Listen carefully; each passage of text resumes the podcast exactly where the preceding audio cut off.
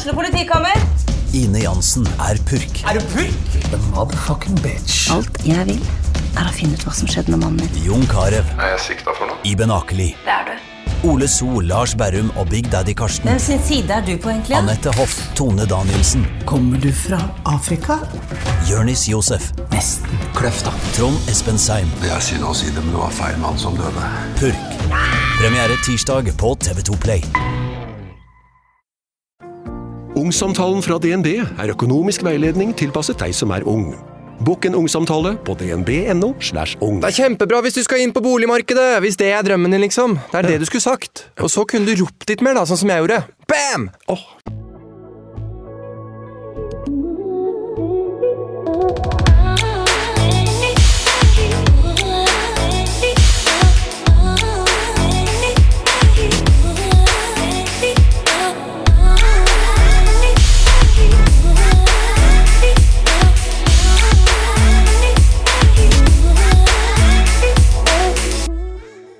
Det å dele noe man aldri har gjort før, krever mot, og dagens gjest har det.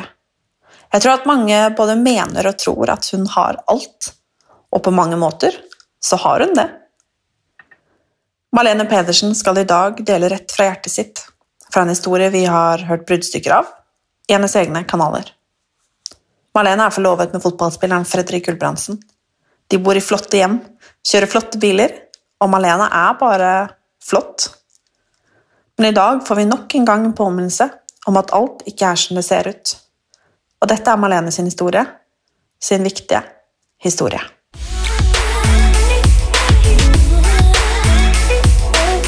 Hadde du hørt om PCOS før du fikk det selv? Du, det hadde jeg ikke. Ante ikke hva det var, og ante vel egentlig veldig lite om hva altså, ja, kvinnesykdommer var, da. Så det var Ja, nei, det var ganske fjernt. Hadde ikke hørt om det før. Hva var det som gjorde at du mistenkte at det var et eller annet? Altså, jeg slutta jo på piller mm, Det var vel våren 2020. Eh, og så kom jo på en måte aldri mensen eller noe sånt tilbake. Og jeg har jo vært en av de heldige som har levd eh, livet med p-piller og livet før p-piller. Som alltid hatt regelmessig syklus. altså sånn, Det kommer jeg kødder ikke, hver torsdag i måneden mellom tolv og to. Ja, ja. Noen Altså- som har det? ja, ikke sant? Ikke sant? Sånn, eh, så når det ikke kom i det hele tatt, så var det litt sånn Det er rart, men så veit jeg, jeg hadde jo gått på det siden jeg var, var 15 år. Så jeg tenkte at eh, ja, det var litt rart. Og så det tid, og så kom det jo ikke. Så da oppsøkte jeg jo gynekolog, da. Og da sa han egentlig bare at ja, nei, du, oi, oi, oi, her var det masse egg, liksom. Jeg tenkte oi, ja, det må være kjempebra. Eh, og han bare ja, mye, og ja, store eggstokker, liksom. Og, men så det, jeg gjorde det her i utlandet, altså i Istanbul, da. Så jeg var litt sånn, mm, ja, Um, og så ville han gi meg noen piller da, for å få mensen. Så tenkte jeg litt sånn, at de ville ikke ta dem, fordi i Tyrkia så er det i hvert fall sånn at uh, medisinbruk, det blir på en måte kastet veldig ut da. Har du snørret nese, så får du antibiotika, skjønner du? Så da var jeg litt sånn, nei, nei, mm, og så ventet jeg litt og ventet, og um, det kom jo ikke tilbake da. Så da måtte jeg begynne å undersøke det litt videre. Mm. Hvordan eh, følte du deg ellers? Var det bare dette med mensen, eller var det liksom andre symptomer som du ser nå i etterkant? Eh, Helt i starten så var det vel egentlig bare det. Um, og så var det jo en tid i livet der um, Det var jo det året jeg og Fredrik skulle gifte oss. Eh, og det var korona, så vi var litt sånn ok, vi stoppa på piller fordi vi jeg tenkte at jeg ville jo bli gravid en gang, så hvorfor ikke bare slått slutte, liksom. Um, og, så vi prøvde jo på en måte uten å prøve. Um, og merka at det var jo også på en måte veldig vanskelig når man ikke hadde en syklus. Og begynte liksom sånn å google å, kan man få eggløsning når man ikke har mensen. ikke sant? Og kjøpte eggløsningshester og liksom Det var mye stress da rundt det. Um, så det var vel ja, mensen, og at uh, det på en måte ble vanskelig, da. Mm. Ja. Hvordan Altså, jeg kan bare tenke med meg selv, og som kan kjenne meg igjen i mye av det. Mm. Uh, det der man har et bilde av at ok, man har lyst på barn, man kan gå og lage barn, og så blir det barn. på en Mm. måte. Uh, og selv om, som du sier, da dere prøvde uten å kanskje prøve, på en måte, litt sånn skjer det, så skjer det, som kanskje mange gjør, da. Mm. Um, hvordan føltes det at der og da egentlig det, de gikk ikke, liksom? Jeg var litt sånn typisk med. skjønner du? Sånn, eh, jeg har uflaks på sånne rare ting. Men um, jeg var litt sånn Ok, det hadde ikke gått så lang tid, så jeg husker bare sånn Nei, men herlighet, det er vanlig at det tar tid, og man hører i Norge. Det er jo typiske. Eh, Du prøver et år, og får du ikke innen et år, da oppsøker du hjelp. Så jeg var på en måte Jeg har fått den banka inn i hodet, som sikkert alle andre kvinner har gjort, at du må prøve et år før du skal kunne få hjelp. Um, så jeg var bare litt sånn, på en måte litt stressa, for de ville jo gi et bra resultat også til det her høres kjempeteit ut, men jeg ville jo, vil jo på en måte mm, komme en en gladnyhet til Fredrik òg. At å, vi var en av de heldige der det gikk, og så gjorde de ikke det. Og så oppi alt så skal du prøve å forstå hva en utenlandsk lege eh, prøver å si, og han sa aldri heller sånn 'du har PCOS'. Han sa jo at jeg hadde polystiske ovaries, altså sånn polystiske eggstokker. Det sier meg ingenting, som ikke har peiling på, ikke sant. Så det var, det var veldig Jeg tror egentlig jeg kan bare beskrive det med at det var veldig, veldig mye blanda følelser. Mye sånn Ok, men det går bra, men samtidig bare hæ, hva er det som skjer? Så ja, det er vanskelig å svare på, for det var bare et stort kaos i hodet, egentlig. Mm. Men hvordan ble prosessen derfra til For dere bodde i Tyrkia eh, Mm. når dette eh, skjedde, holdt jeg på å si. Mm. Em, hvordan tok du det derfra? Fra å på en måte få denne beskjeden at ok, det er noe du aldri har hørt om før, Mm. eh, noe du aldri har tenkt på før, eh, noe du aldri har trodd at skulle være et problem. Mm. Hvordan gikk du derfra til, til hit, da, på en måte? Ehm, nei, vi fikk jo sikkert dem som har prøvd assistert um, befruktning, holdt på å si, har kanskje hørt om Femora. Det er et um, legemiddel som er hormonstimulerende for å få en eggløsning, som også blir brukt eksempel i brystkreft. da. Veldig vanlig. Det, på den tida så visste jeg ikke noe om det, så jeg det hørtes kjemperart. Han bare, forresten, den, den medisinen brukes til kreftmedisin òg, men øh, det er null stress. Sier bare sånn. Uh, ja, klarte ikke helt å stole på det. på en måte. Jeg tenkte nei, det er rart. Så jeg, jeg lå det egentlig bare på is hele tida. Jeg tenkte nei, nei, nei. Jeg må bare kom, kroppen bare komme i balanse igjen, fordi jeg har gått på p-piller så lenge. Uh, og så plutselig en dag så har jeg jo ekstreme smerter i nedre delen av magen. Um, altså nedre del av, av venstre del av magen, liksom ned mot lysken. Um, skikkelig, skikkelig skikkelig vondt som bare ble verre og verre. Der jeg liksom lå i fosterstilling på gulvet.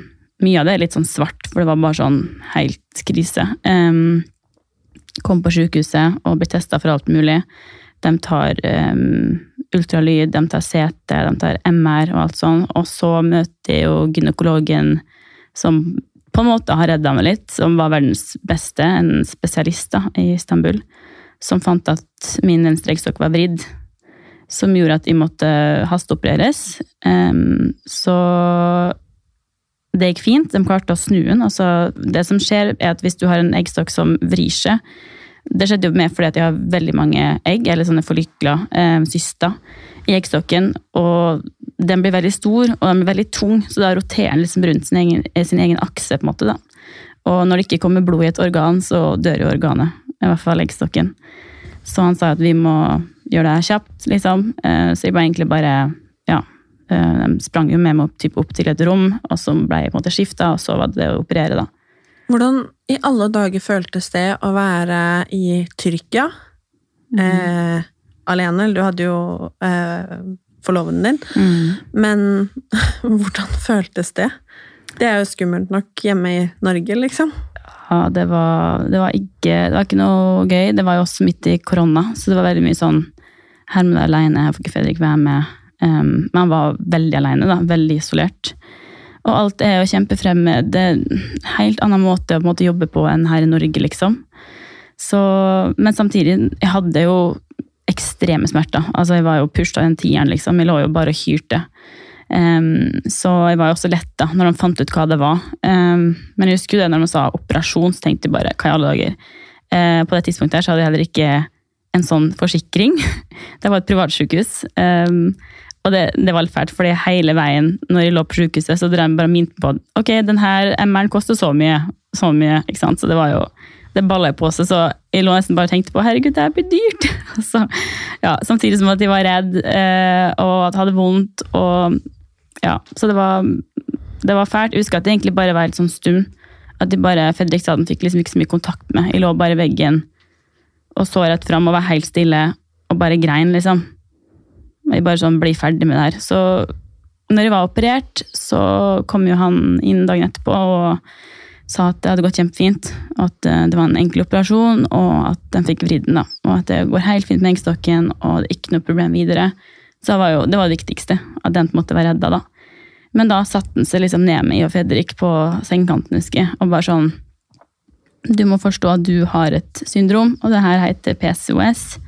Og begynte da å forklare meg hva det her er, hva, hva det gjør da med kroppen din, hva du må tenke på, hvordan veien er videre, og liksom gi det med en god forklaring. da.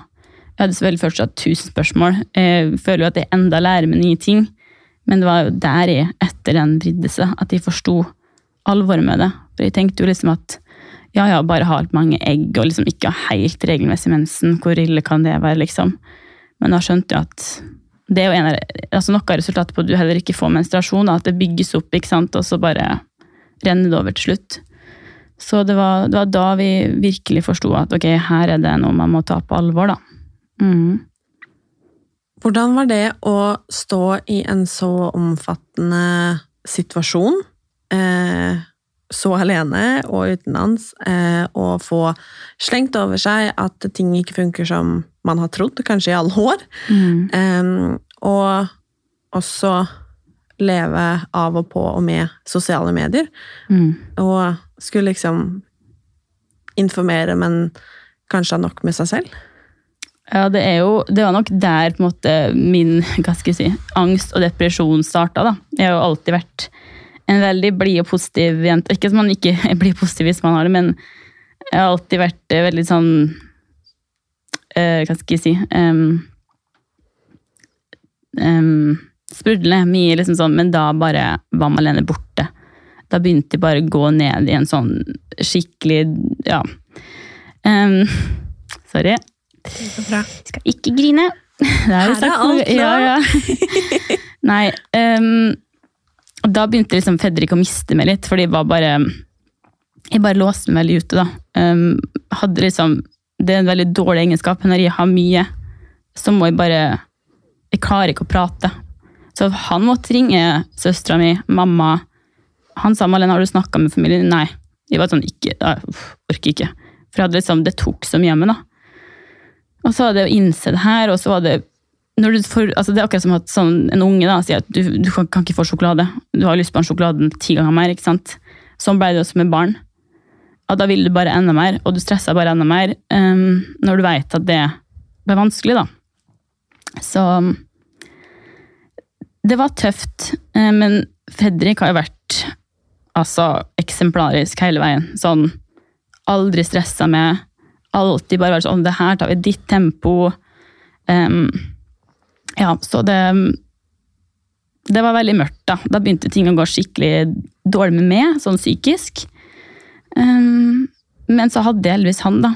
Um, og så var det vanskelig, fordi når Én ting er for de liksom, jenta som står i det, men for, for en partner også, det er jo ikke lett. Når han ser at jeg er helt nede, og uansett hva han sier, uansett hva han gjør, hvor god han er, så hjelper det på en måte ikke.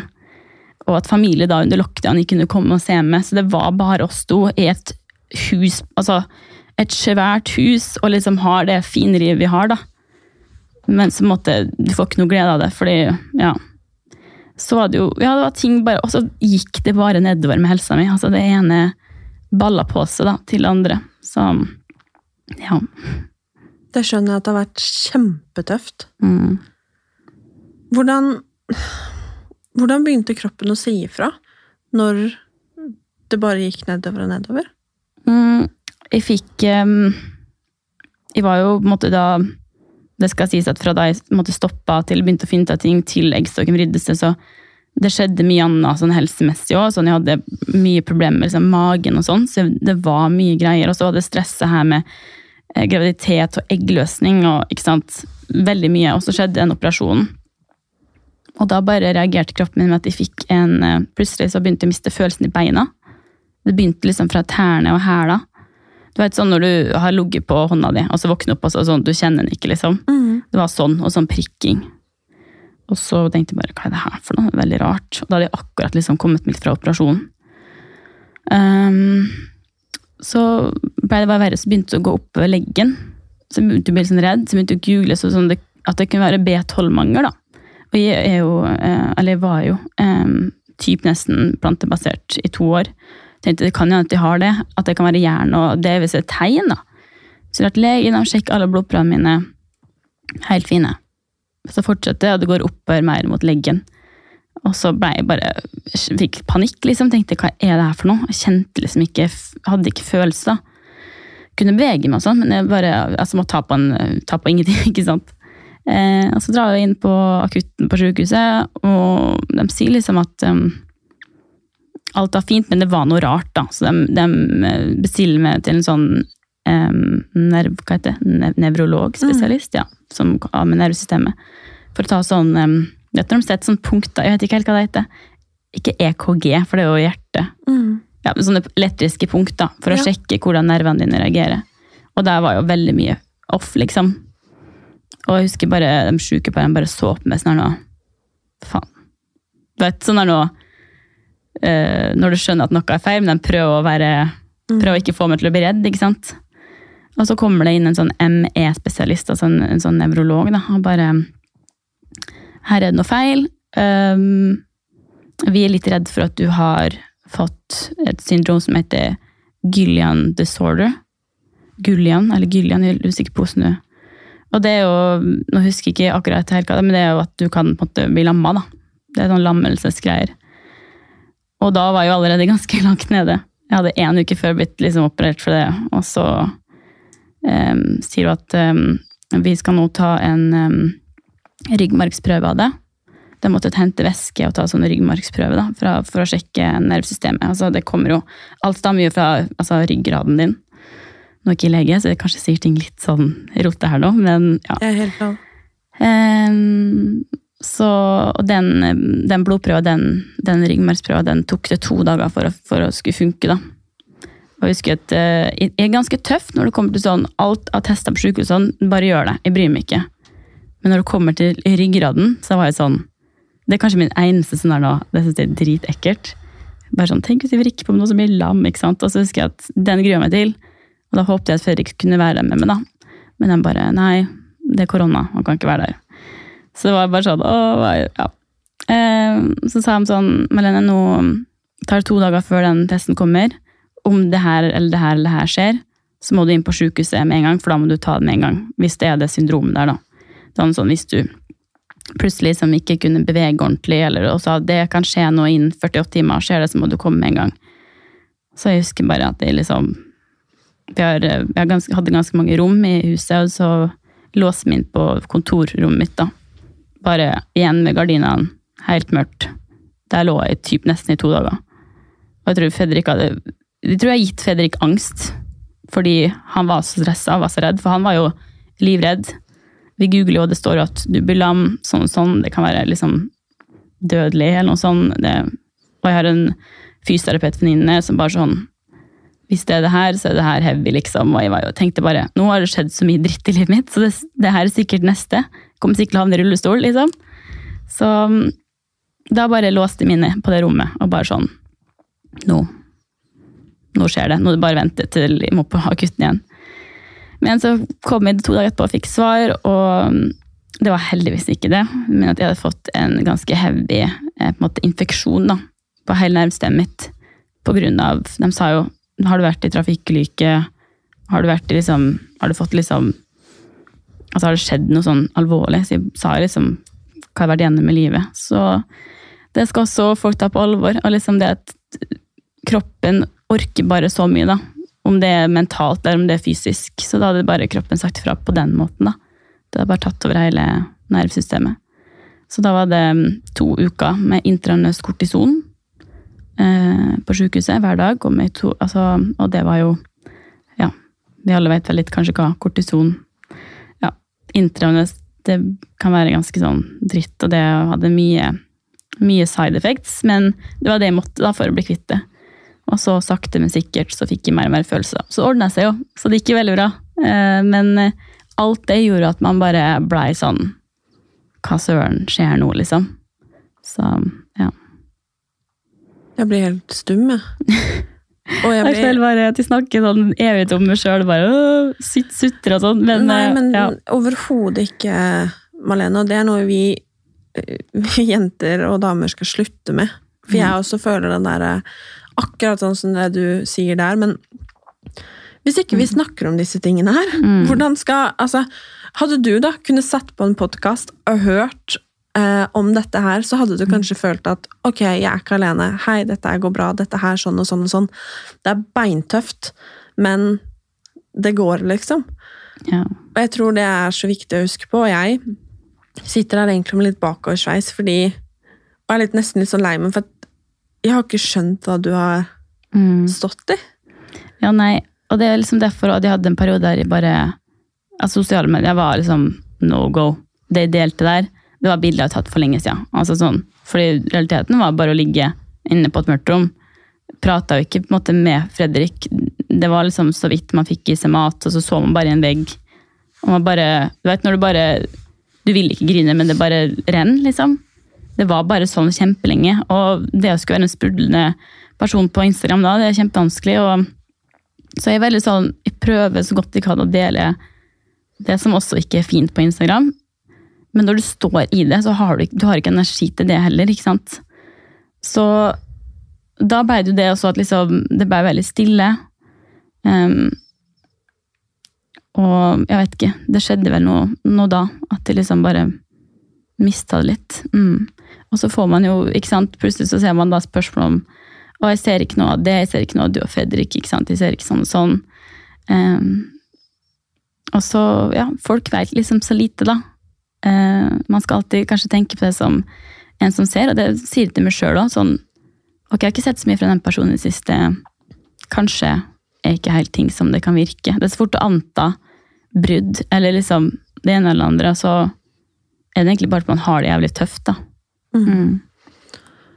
Hvordan har du tatt deg derfra? Hvordan fortsetter historien fra at du fikk denne kortisonbehandlingen og, og til nå?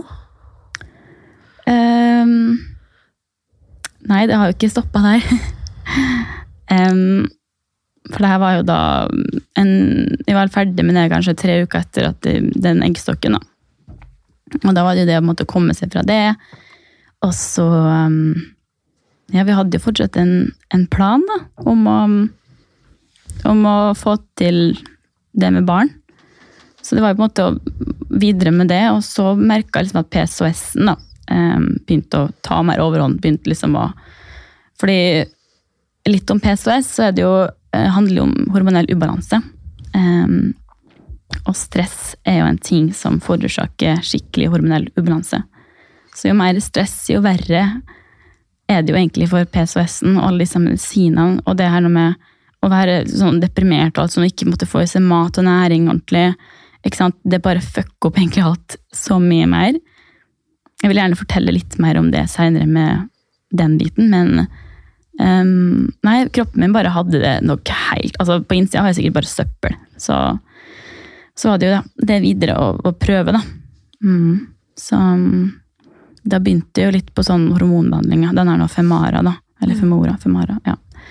Um, for å prøve å stimulere en eh, Først må du liksom ta piller for å få en menstruasjon, og så må du ta piller for å få en eggløsning fra den menstruasjonen. da. Så det var jo å prøve det en gang, og det gikk jo ikke. Så det var veldig mye sånn dårlige nyheter, og så var det, kom plutselig akne. Det er jo typisk PCOS-symptom. Samtidig så hadde du gått på kortison, så det trigger det også. Så det var ja, mer sånne ting. Veldig sånn eh, hyppig vektøkning og eh, vektnedgang. Em, så jeg merka mye av det da. Og hårtap, det glemte jeg å si i stad. Men det var kanskje noe av det første. At det gikk fra liksom å ha hår ned til navlen omtrent, og like tjukt som ja, til å liksom ha en kjempeliten sånn tynn hestehale og måtte bare klippe det for det så tynt ut. Så det liksom Ting bare Ja, det var som en sånn rose som bare begynte å visne, om du kan si det sånn, med det ene og det andre. Um, og så at du står oppi ja, en pandemi, da. Så det var bare Og det høres ut som liksom at det var liksom så fælt, og det var det. Eh, Men jeg er også en person som, som prøver liksom å være positiv utad, og være god mot venner, være god mot familie og sånn. Men det ble bare for mye på en gang. Um, og så mye å forklare hele tida. Sånn, folk vil ha en catch-up. så Sånn Ja, nei, nå skal du høre. Um, det var det, og så var det det. Altså. Ja. Sånn som vi forteller nå. Det er liksom så Ja. Ja, det er jo til å få bakoversveisa, som jeg sa i stad.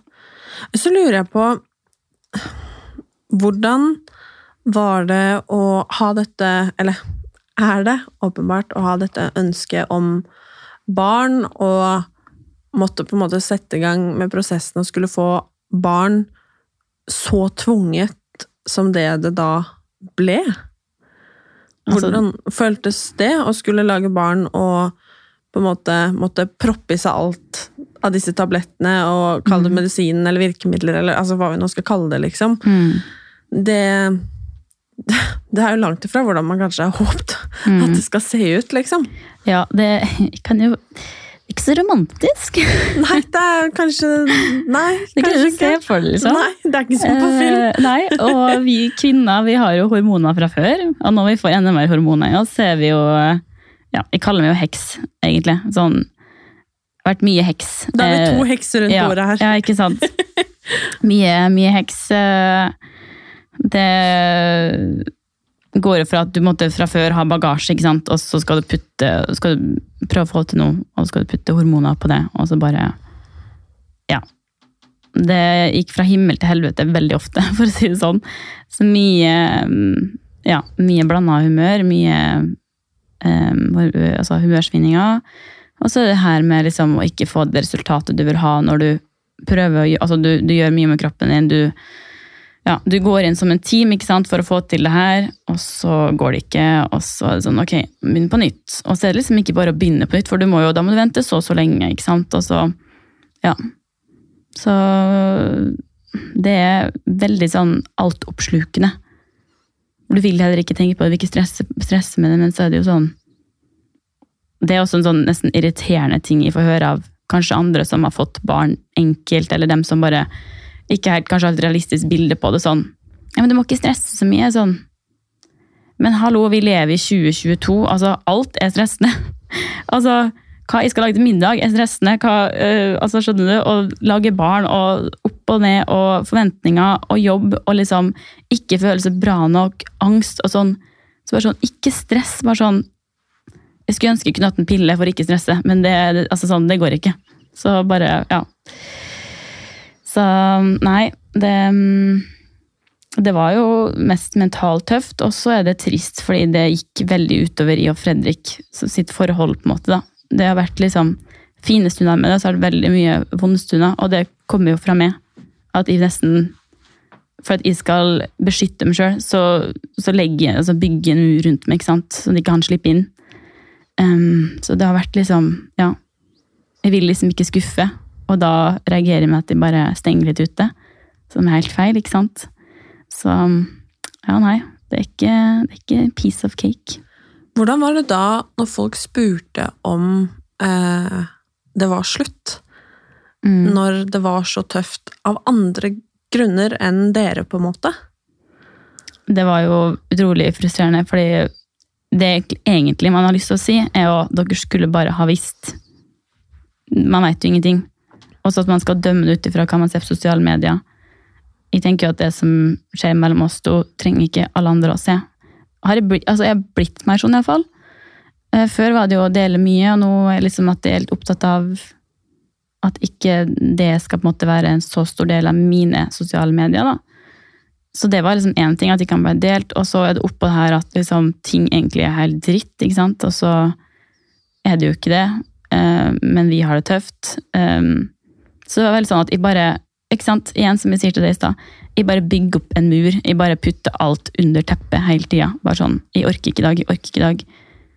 Og så blir jo det, når ingen veit, ikke sant, og det, det skjønner jeg jo, så blir det fort å anta det, ikke sant. Så, men det har jo vært, det er jo kjipt å se det, og jeg prøver jo på en måte å svare folk um, innimellom på det, Um, og vise han innimellom. Men um, ja, nei, det er ikke noe kult. Og hvordan går det nå, da? vi står fortsatt i tøffeste tida vår, uten tvil. Um, det på en måte det, det Vi har vært sammen i åtte år, så det er liksom så stab, det er på en måte stabilt, om du kan si det sånn. Det er liksom så trygt. Men det har bare vært så tøft å stå i alt det vi har stått i. Og sånn som jeg sier, alt det her med når du prøver med assistert eh, behandling for å få barn, det er ikke noe romantikk i det. Alt handler egentlig om Fredrik som er sykepleier og som er pasient. skjønner du. Her har du pillene du skal ta, ta dem, og så føler du som en heks. Du klarer ikke å gi noe romantisk av det. Du er jo bare Og så blir man liksom Så blir jo jeg sur på meg sjøl og sur på verden, holdt på å si, fordi ikke går for meg når jeg prøver alt jeg kan. Og så går det utover han. Så det går jo på en måte bra med oss, men samtidig så er det jo det er ikke en heldig situasjon. Og jeg har jo sett noe jeg Har jo måtte, prøvd å um, gjøre research på, på det her òg, med parforhold under, under sånne, sånne ting. Så, som PCOS, kvinnesykdommer, det med å få barn. og Det er jo brutalt. Det er jo vanlig at det er dødsvanskelig. Så uten å gå for mye inn på det, fordi det her handler jo om måtte, Fredrik òg, og hva han er komfortabel med. Men så har det vært tøffe perioder, uten tvil. Um, men de prøver å jobbe oss gjennom det. Mm. Hvilke symptomer har du på PCOS nå? Um, fortsatt så er det jo um, liksom litt det med hårtap. Um, humørsvinninger, angst. og så er det Det påvirker veldig mye også, ikke sant, det med, med mat. Hva man kan spise, hva man ikke kan spise. og så syklus. Jeg har ingen syklus. Jeg kan ikke huske nesten forrige gang jeg hadde mensen naturlig, da. Um, så det som er mine største utfordringer nå. Mm. Mm. Det er jo en del tanker som knytta til, eh, til PCOS.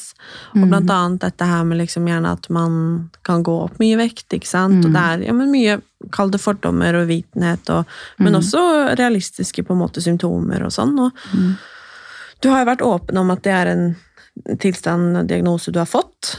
Men hvordan er det å at så mange har den oppfatningen av deg, Malena, at du på en måte du er blond, du er tynn, du er trent, du er så vakker at halve kunne vært nok. Ikke sant? Nei, men du har liksom tilsynelatende alt på stell, og så er det egentlig bak kulissene så raser egentlig verden. Og hvordan har det vært å skulle stå i den karakteren som du kanskje akkurat nå dessverre er, Mm. um, når livet er så vanskelig?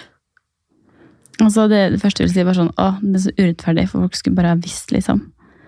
Um, og at det er jo synd at sånn som Folk antar jo at Ja, Malene har PSVS, men hun er jo slank, da. Så det kan jo ikke være så ille. Um, og det har så mye mer altså PSOS har så mye mer enn måtte, det med vekt å gjøre. Og vi kan vel være nesten mer ramma av det. Um, fordi at, altså sånn, Det kommer på hvordan du, selvfølgelig hvordan du setter det, da. Men eh, det har jo vært Jeg har jo nesten fått det verste, fordi jeg har hatt noe to eggstokkvridninger og sånn type ingen syklus, og jeg prøver så godt jeg kan med kost. Jeg prøver liksom alt, og ingenting går. Og man kjemper en kamp hjemme, man prøver det her med barn. Og så prøver man å være seg sjøl på sosiale medier, da. Og fordi at de da, som du sier, kommer i en innpakning av blond, og sånn og sånn og sånn, så virker liksom verden for mange så bekymringsfri for meg. Og det er den absolutt ikke, og får jo veldig, veldig mye det, det stempelet fordi at man er med fotballspiller og liksom sånn Nei. Jeg tenker jo veldig sånn Dere skulle bare ha visst.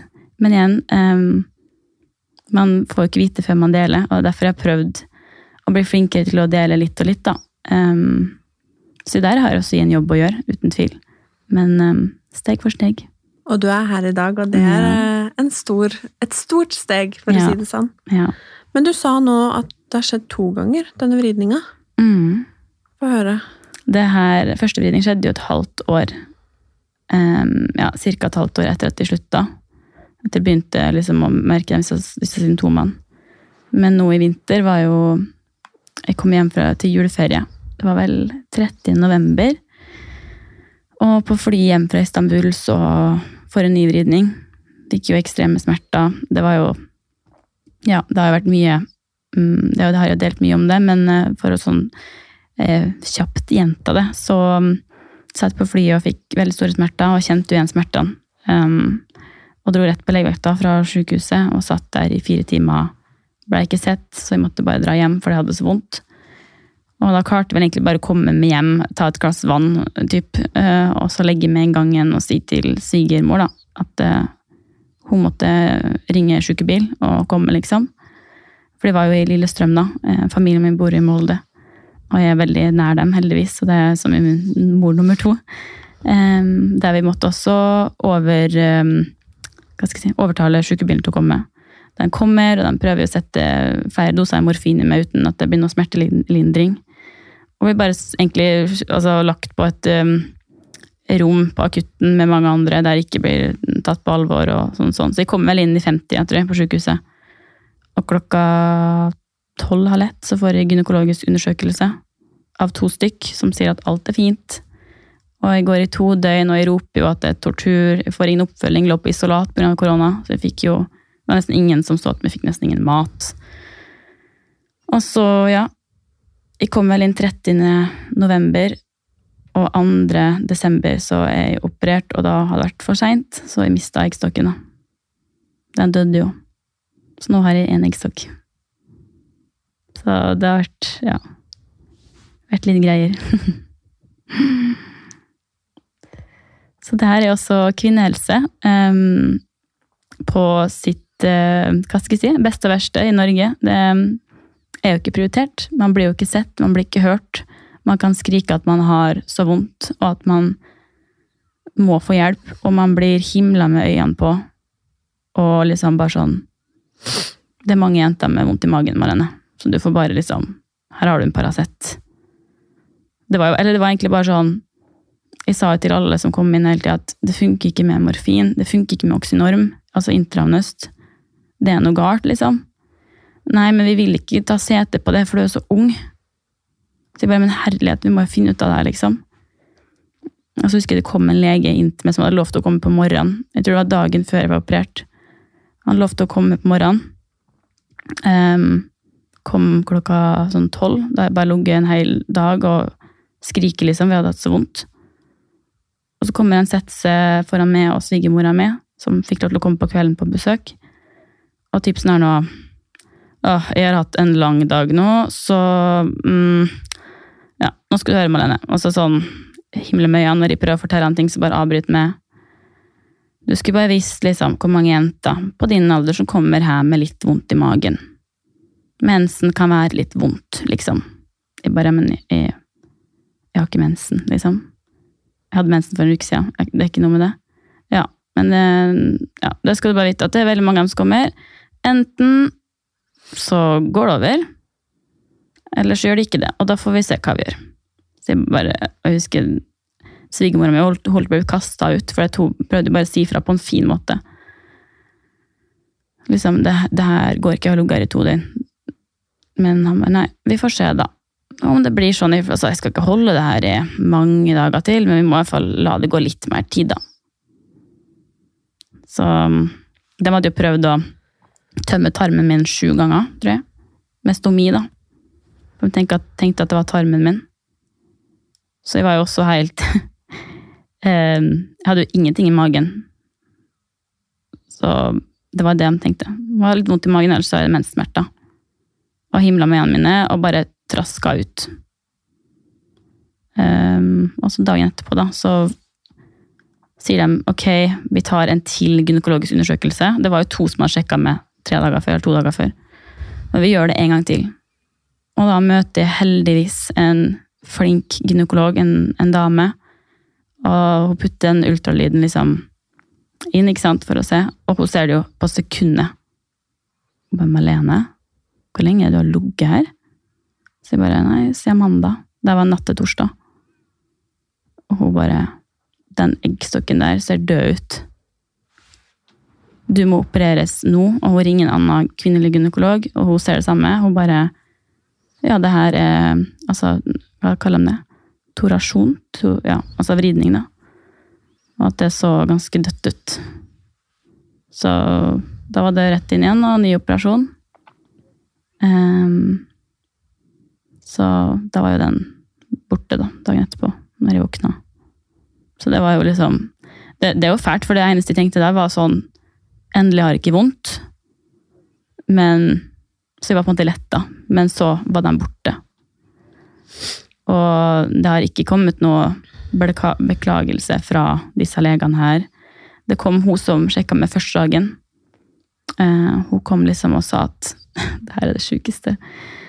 Jeg var litt rusa, så jeg hadde ikke motstanden i meg til å måtte bli sur. Men uh, hun skyldte på at hun var nederst i rangstigen av alle gynekologene på Ahus. da.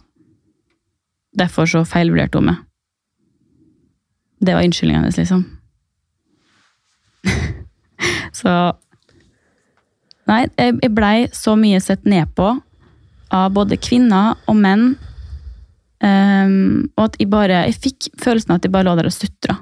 Jeg begynte å lure på er jeg, jeg, altså, jeg, er jeg psykose nå. Er det noe jeg innbiller meg? Fordi det her er jo helt Ja.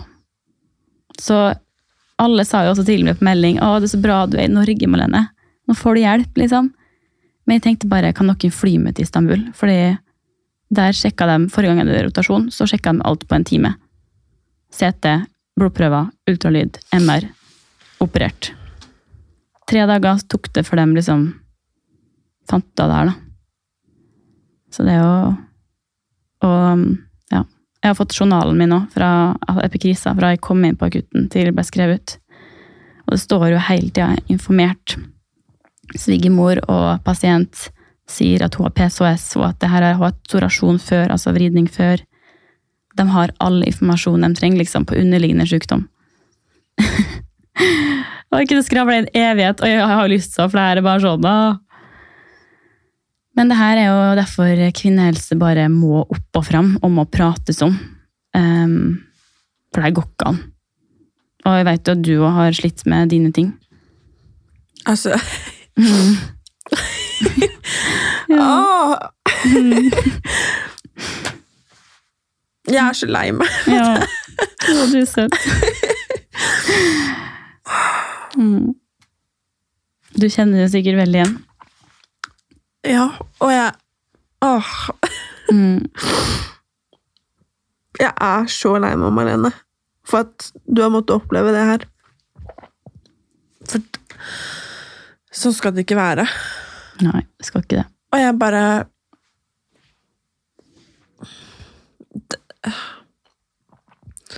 Bare det at vi liksom må kalle det for kvinnehelse. Ja.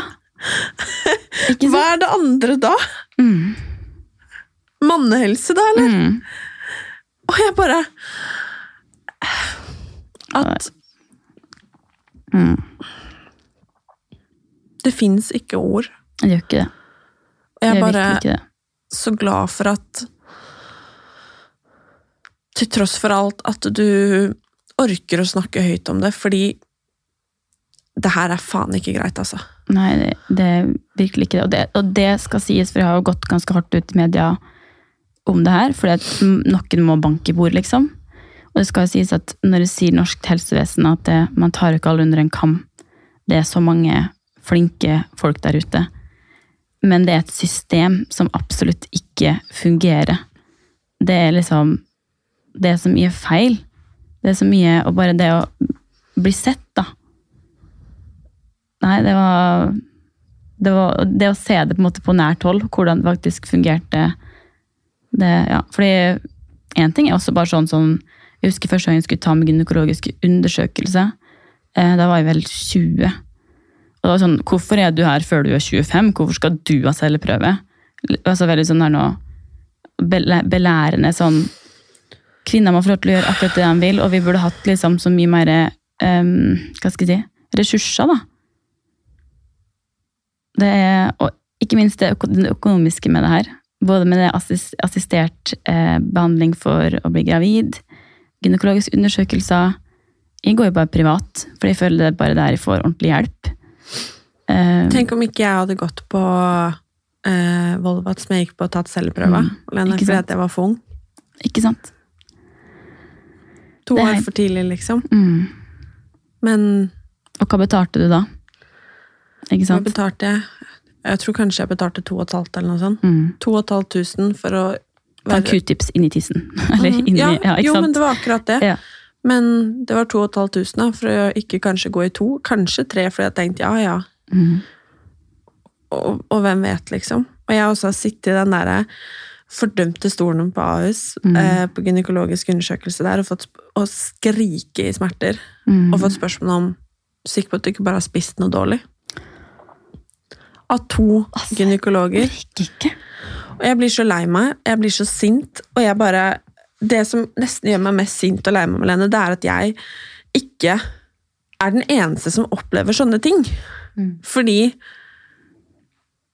det er så mange av oss. Mm. Og jeg bare Hva skjer, liksom? Mm. Jeg husker jeg tenkte jo når jeg var liksom på Etter jeg delte det her på sosiale medier mine med PSOS og det som skjedde med eggstokken min, og sånn, så husker jeg tenkte det her må ha vært en sånn one in a million historie. Jeg har vært en av de veldig uheldige. Meldingene jeg får, jeg fikk etter det, og jeg fortsatt får daglig, om folk som har opplevd akkurat det samme. Ting som jeg, Nå skal man aldri sammenligne ting med, med verre eller liksom bedre, men det er utallige historier, og det er liksom ingen som har fått riktig behandling til riktig tid, da, om man kan si det sånn. Det er, jo en gru, altså det er jo en grunn til at det tar sju år for en kvinne å få en diagnose på en kvinnesykdom. Mm.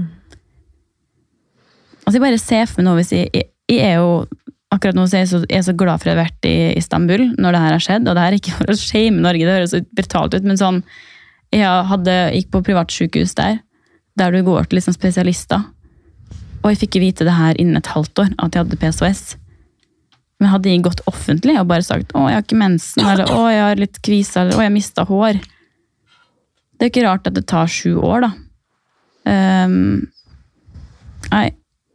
Nei, det er skikkelig, skikkelig trist. Og jeg er i en alder av hva var det da, 23 år, så fikk jeg vite at jeg hadde det. Si at jeg hadde fått vite når jeg hadde vært 20, hva ble det, 29 år. Og da ville jeg måtte prøvd begynt med den, den veien jeg er på nå, og har vært på med barn. da.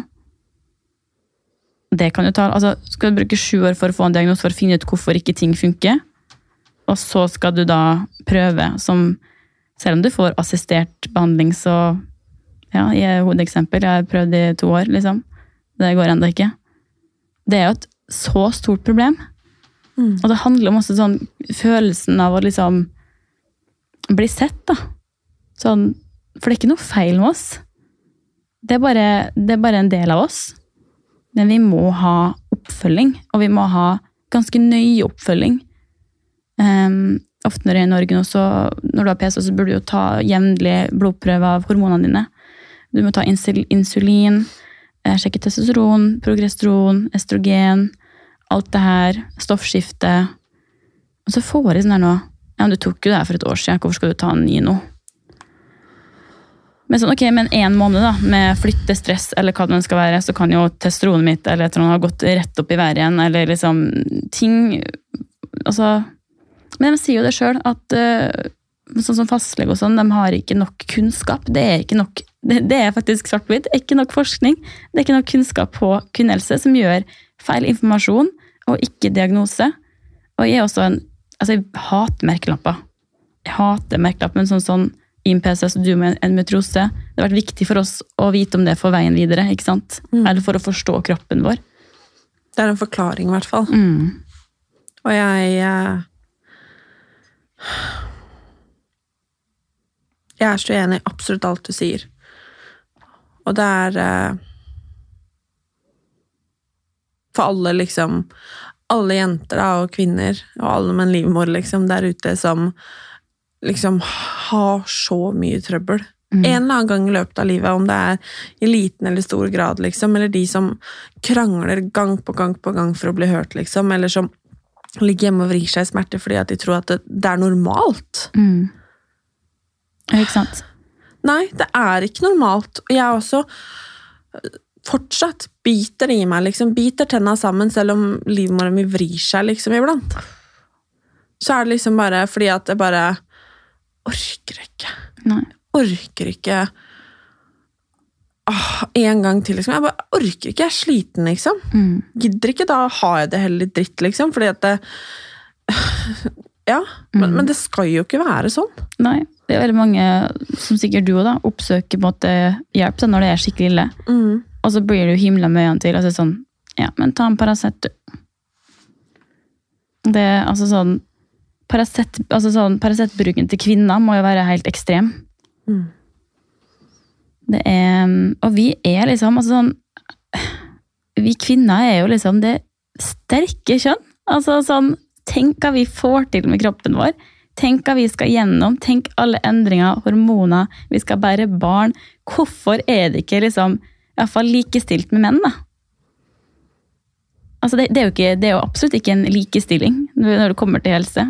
Det tatt. Vi har kommet langt på andre måter eh, liksom, i verden nå og i Norge, og det er så bra. Men på helsebiten så har vi milevis å gå, liksom. Milevis Mm. å gå. Jeg er så glad for at du hadde lyst til å komme, Ja, er veldig glad for å sitte her og være sammen med deg. og for at eh, vi sammen kan slå hånda i bordet. Mm. Jeg håper at noen som har mulighet til å gjøre en forskjell der ute, har lytta Mm. og tar det på alvor, fordi det holder nå, liksom. Mm. Og så håper jeg, Malene, Mm. at det går veien snart. Ja. Det, det håper jeg hele mitt hjerte. ja. Jo, takk for det. Det er eh, Det fortjener du nå. Å, takk. Takk. Så tusen takk. Og Takk sjøl. Takk til alle som har lytta. Mm. Vit at du ikke er alene, og at eh, du fortjener å bli sett og hørt. Uansett hva. Mm. Tusen takk. Takk skal du ha.